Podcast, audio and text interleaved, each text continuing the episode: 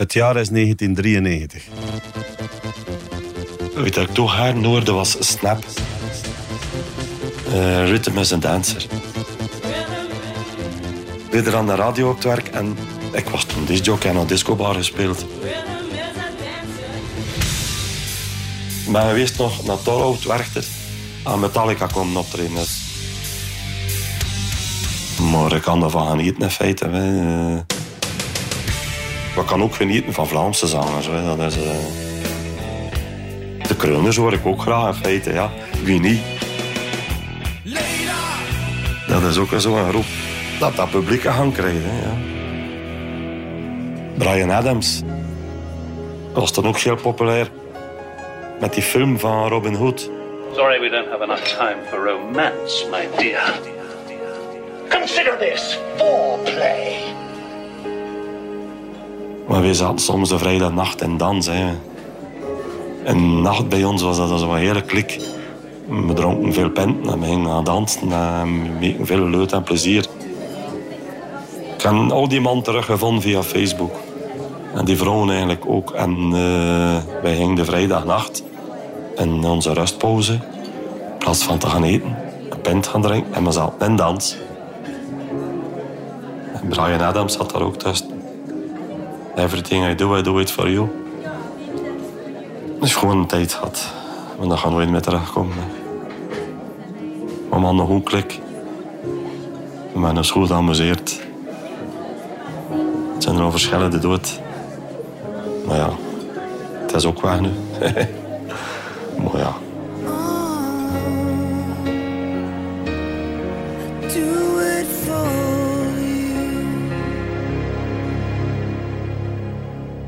Dit is Zaad zonder naam. Een podcast van de Standaard over de geschiedenis van de spermabank in België. Aflevering 2. De gift. Goh, mezelf beschrijven. Mocht ik daaraan beginnen? Uh... Naam? Mijn naam is Mark Mailleu. Woonplaats? Ik woon in Zellebeke. Leeftijd? Ik ben 66 jaar dit jaar. Ik ben twee keer gehuwd. Uh, vier kinders. Maar vier kinderen? Ja, ik ben donor geweest, dat is uh, anoniem. Je hebt daar geen zicht op. Hè. Een hele hoop. Hè. Juist weet ik het niet. Ik heb vier officiële. En de rest weet ik niet. Hè. Hobby's? Ik werk graag. Vooral in de tuin. Dat is voor mij uh, krust ervan uit in feite. Dat is geestig. Verstand op nul. En je ziet iets groeien. Hè. Maar anders ben ik een gelukkige mens. En ik ben Mies. Ik heb zelf twee donorkinderen samen met mijn partner Christine. En ik ga het verhaal van Mark mee vertellen. Ik had dat gelezen in een weekblad. De krant van West-Vlaanderen, maar vroeger heette dat het wekelijks nieuws. Ze zochten iemand om onvruchtbare echtparen te helpen. Dat stond er zo in. Dat was in 93. En ik heb een brief moeten sturen, het was dan met een brief. Hij heeft mij opgebeld en hij zei... Kijk, hij komt die avond om dat uur. In Rooselare. Maar het moet wel zijn, dat telefoongesprek... Ik had gedacht van, ze gaan zeggen, we weten van niks. Een telefoon toe, maar niks. Dus ik ben daar naartoe geweest. En ik had iets wat hij nodig had. Die heeft gevraagd van, ben je getrouwd? Nee, ben gescheiden. Dat was al een pluspunt, want er is niemand die vragen stelt. Heb je kinders? Uh, ja, twee. Ben je ziek? Nee. Uh, mogen we bloed afnemen? En dat was het. Ik ben nooit bij een psycholoog moeten gaan van... Ik zat in een zware scheiding. Ik rookte veel. Ik dronk nogal veel. Ik was ook niet eh, het goede voorbeeld in feite. En, en dan hebben ze gezegd, kijk, we gaan u opbellen. Waar kunnen we u bereiken? En maak dat je dan binnen een half uur hier zijt. En dat was mogelijk. Uh, Roslaar is zo ver niet. En uh, dat was al. De eerste keer kwam ik daar ook toe van... Ja, wat ga ik hier moeten doen? Dus ik klopte op die deur. Die stak een potje in mijn hand. Vragen stellen moest ik niet doen. De eerste de beste wc.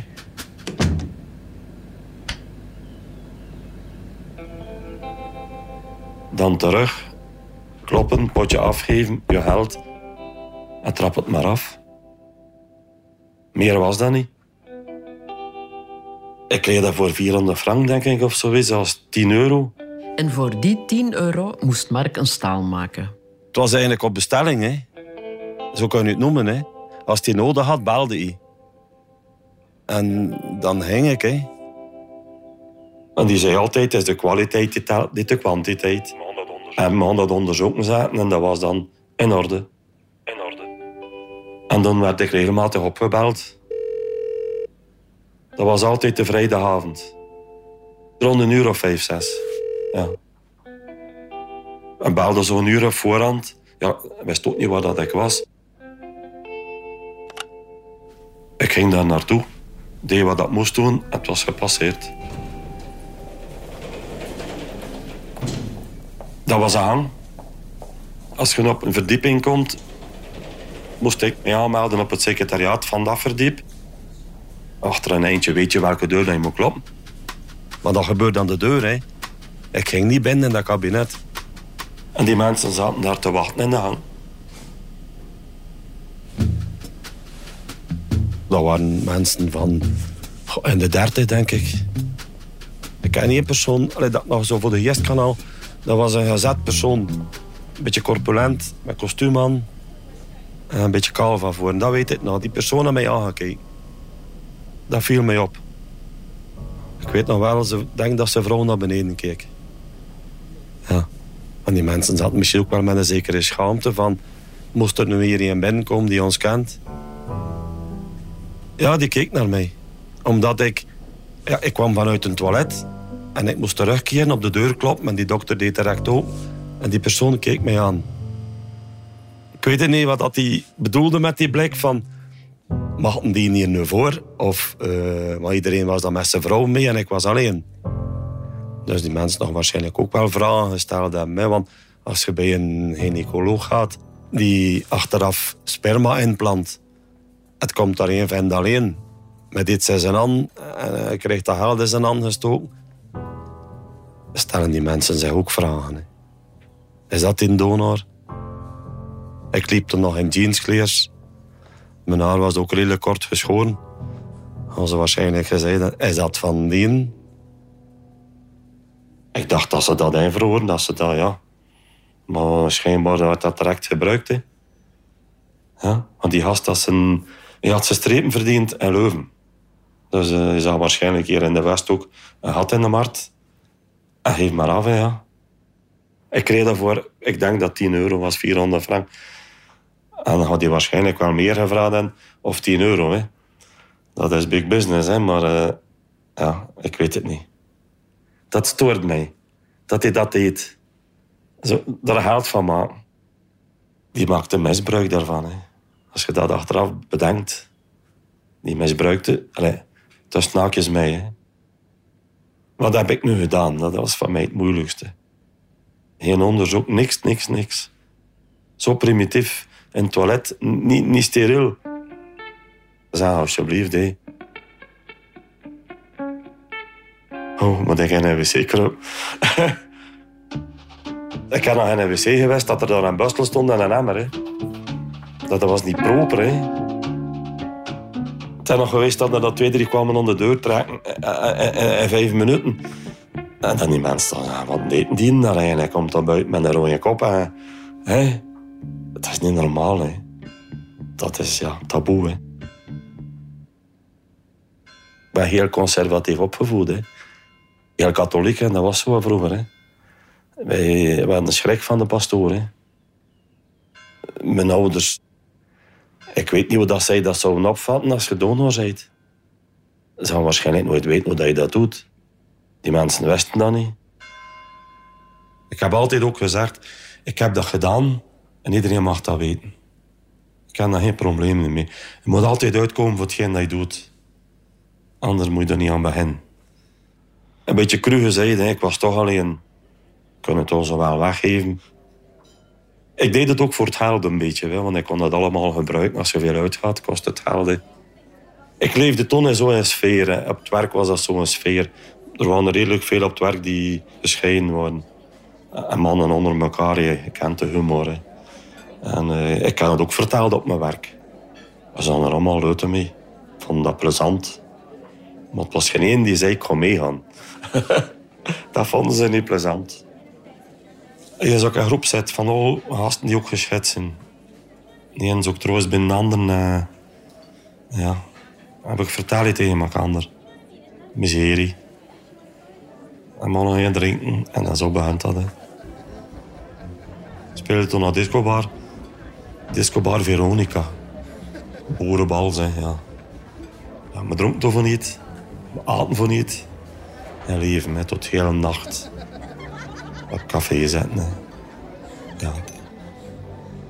Aan drinken. Ik kan altijd veel gaan drinken. Als dat wit bier.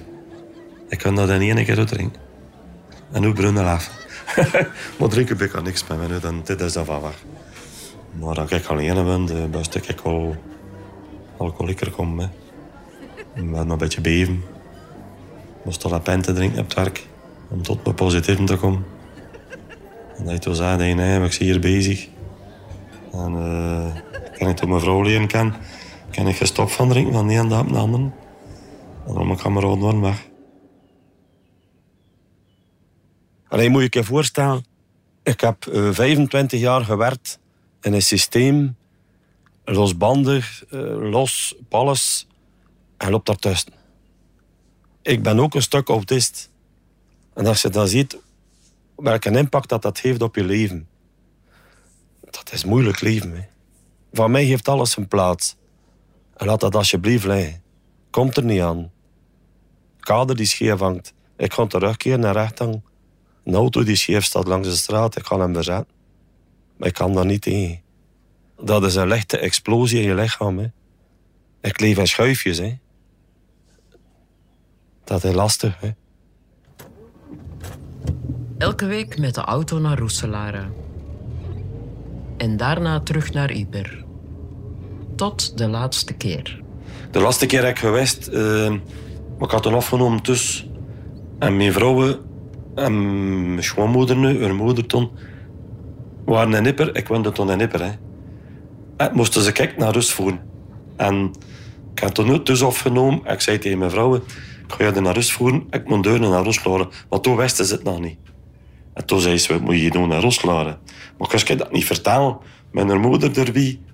We moesten dat meisje pijzen van. Ik. Allee. Ik heb toen verteld. Als ik ze had. En ze toen zei het de laatste keer. Voilà, het was een passert. En ook, was ik ook al veertig. dus eh, je begint ook al... eh, ik denk ook al zo vlot niet meer. Maar eh, toen zei hij, ja, stop. Hè. Ik heb dat persoonlijk gezegd, zijn het de laatste keer. Zijn mijn vriendinnen zo liever en dat niet meer komt. Het is goed, zijn. Het is goed. Voilà, dat is afgelopen. Dat je nooit vraagt van, mag dat tegen niemand over spreken?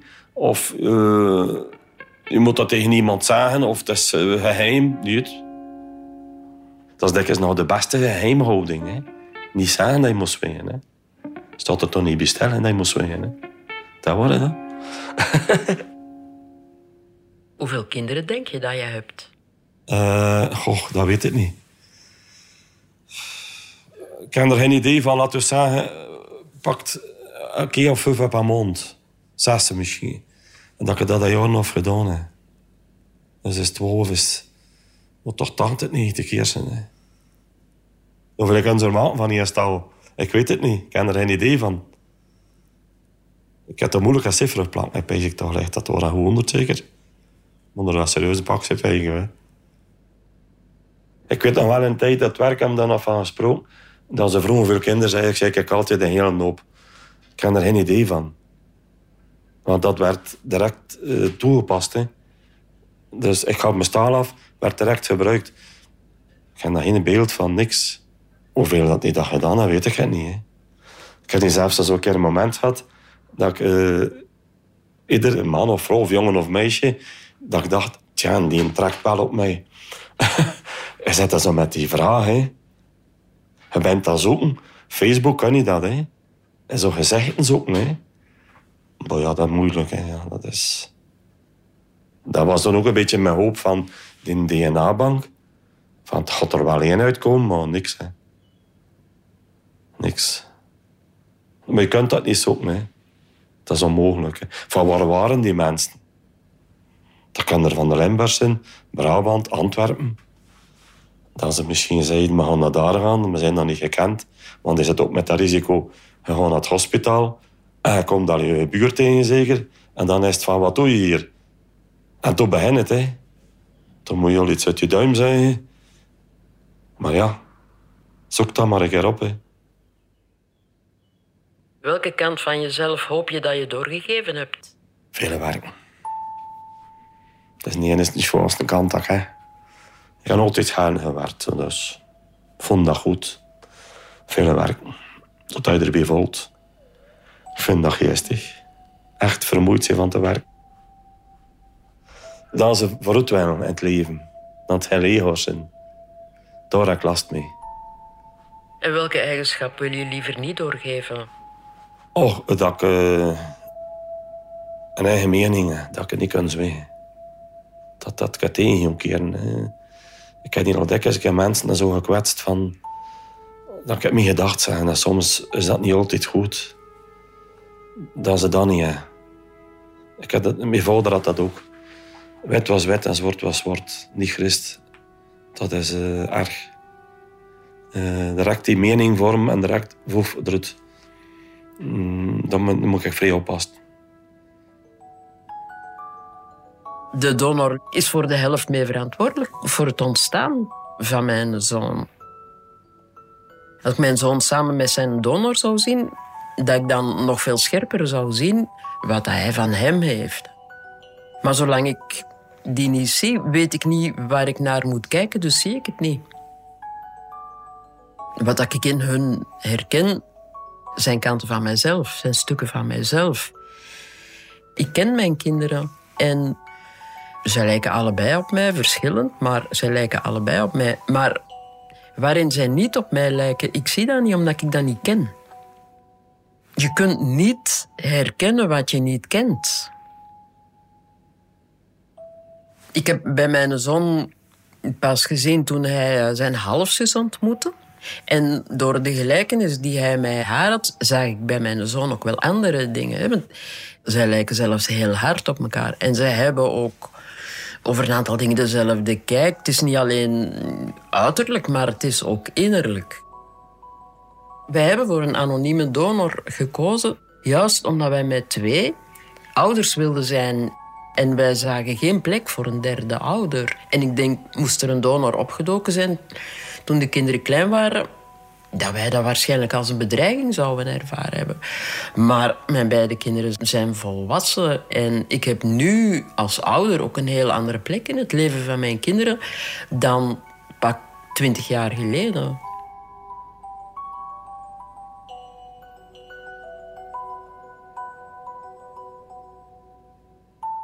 Nu zou ik dat ermee doen.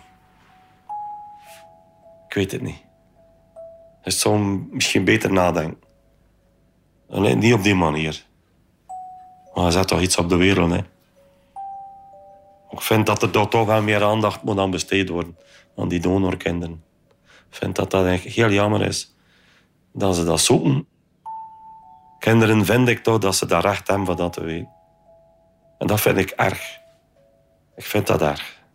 Dat ze dat anoniem doen. Uit dan hoort ja, veel studenten. Het is een hele moeilijke materie. Ik heb dan ook gebeld met die dokter. Ik heb gezegd, ik was donor in 394. Ah ja, maar ze wisten daarvan. Hè. Ze praten daar open en bloot over. Geen taboes, hè. Eh, Maar dokter Kokke heeft alles vernietigd. Voilà. Maar eh, ik vind dat raar van die dossiers dat dat vernietigd is. Ik geloof dat niet. Ik weet het niet. Een gynaecoloog die zijn dossiers vernietigt. Ik geloof dat niet. Maar voor hen is de kous af. Ik kan niks bewijzen. Hè. Het enige bewijs dat ik heb is mijn, mijn kaart van mijn bloedgroep. Die is gemaakt in Rooslade. En wij gaan nooit naar Rooslade. Dat is al. De rest eh, heb ik niks. Hè. Als dat nu geweest, Pak je gsm mee. En neemt dat gesprek op. Hè. Maar toen bestond dat nog niet. Hè. Denk jij soms aan die donorkinderen die je niet kent? Je zou het merken in mijn hof. Sommige komt dat bij op. Wie zien die kinderen? Wat gaan die kinderen tegenkomen? Hoe worden ze behandeld? Soms zien de kinderen ook de dup. Hè. Als er een rust is van dat de moeder zegt tegen de vader: Ja, maar ja, maar je mond, maar je kan geen kinderen maken. En toen horen de kinderen dat op hun vragen staan, et cetera. op. Dat kan allemaal, hè. Daarom is ik soms een keer bezig. Hè. Ik ben geen sociale mens in feite. Voor mij is dat cruciaal de eerste 10, 20 seconden voordat je me smaak valt. En als dat tegenvalt, is dat heel moeilijk. En ik weet ook niet aan die mensen gaan... Want dat zijn tenslotte al volwassenen, hè.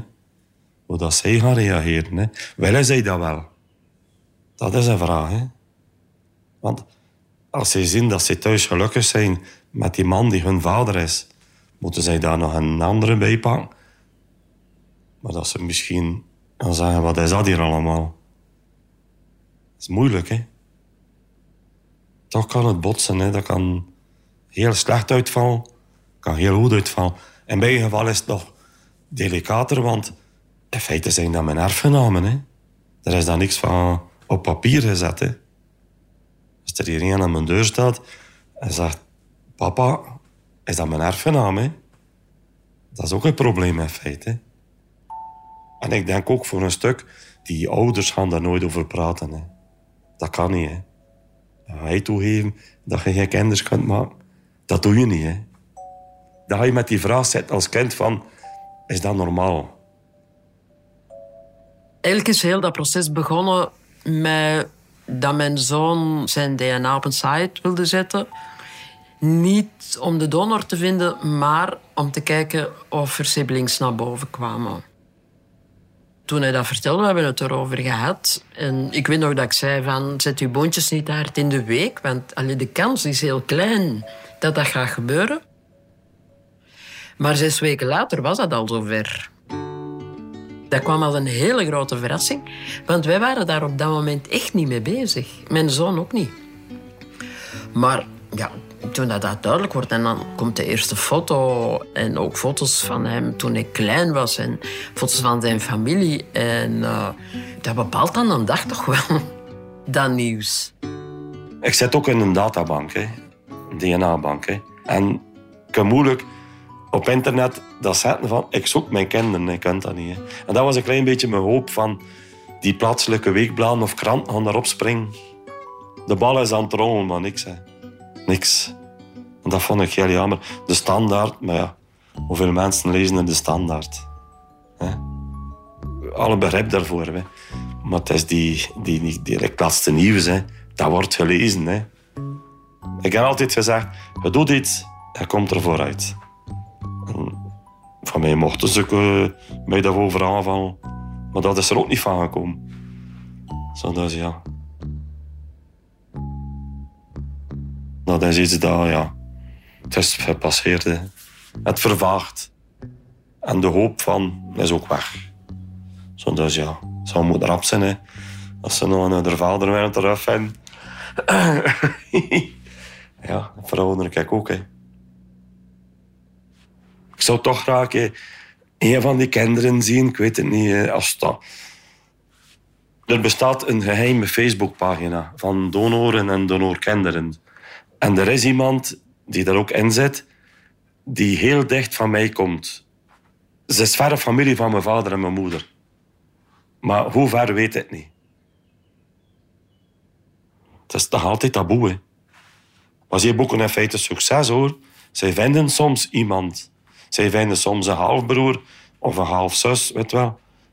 Maar eh, in mijn geval is dat nog altijd negatief. Ik kan mij voorstellen dat hij destijds donor is geworden juist omwille van de anonimiteit en dat hij nu zelf de anonimiteit doorbreekt. Eigenlijk is dat een, is een transformatie bijna. Kinderen zijn niet zozeer op zoek, of eh, het zijn geen kinderen, het zijn jonge mensen, die zijn niet zozeer op zoek naar een vader. Kinderen zijn op zoek naar de helft van hun genen. En ik denk dat donoren niet bang moeten zijn dat er uh, ineens erfgenamen aan de bel komen hangen. Hè? Of, of, mensen die een grote plek in hun leven willen. Want ik bedoel, als je 30 of 31 jaar elkaar niet gekend hebt, ga je niet meteen een band opbouwen zoals je die met je ouders hebt opgebouwd. Ja, ik, ik, ik heb een zoon die licht autisme heeft. Ik heb dat ook. En dan zit je met de grote vraag van, heb ik dat doorgegeven? Kan dat? Ik weet het niet. Dan zit je met de vraag van, hoe gaan die andere ouders daarmee omgegaan zijn? Hoe gaan zij dat te weten gekomen? Maar zij hebben dat waarschijnlijk niet. Heb ik dat doorgegeven? Dan, ik heb dat heel moeilijk gehad. Ik zou graag een keer een van die kinderen zien. En zo niet persoonlijk contact, maar een keer zien. Van, oh ik ben ook maar een gewone werkmens. Hè. Zij kunnen misschien van rijkere afkomst zijn. Wat gaan ze vinden van zo'n vader? Ten slotte ben ik de vader. En dan voel je je zwaar schuldig.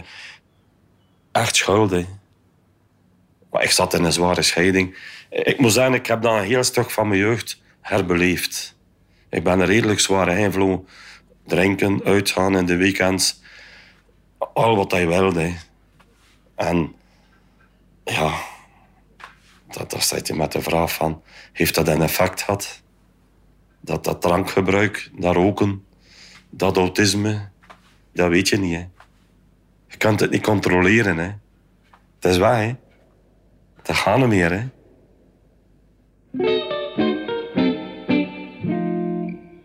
Dit was Zaad zonder naam, met het verhaal van Mark. Een podcast van de Standaard over de geschiedenis van de spermabank in België. Zaad zonder naam is ook een boek van Tine Klaas, uitgegeven bij Lano. Muziek Tim Liebaert. Montage en sounddesign Wederik de Bakker. Mix Joris van Damme.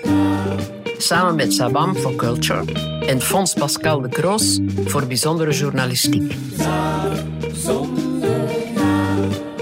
Luister ook naar mijn verhaal, het verhaal van een wenshouder.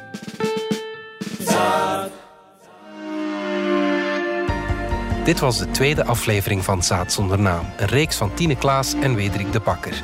Elke woensdag verschijnt een nieuwe aflevering op alle podcastplatformen. De volledige reeks kun je al horen in onze app DS Podcast. Alle credits vind je op standaard.be-podcast. Reageren kan via podcast.standaard.be.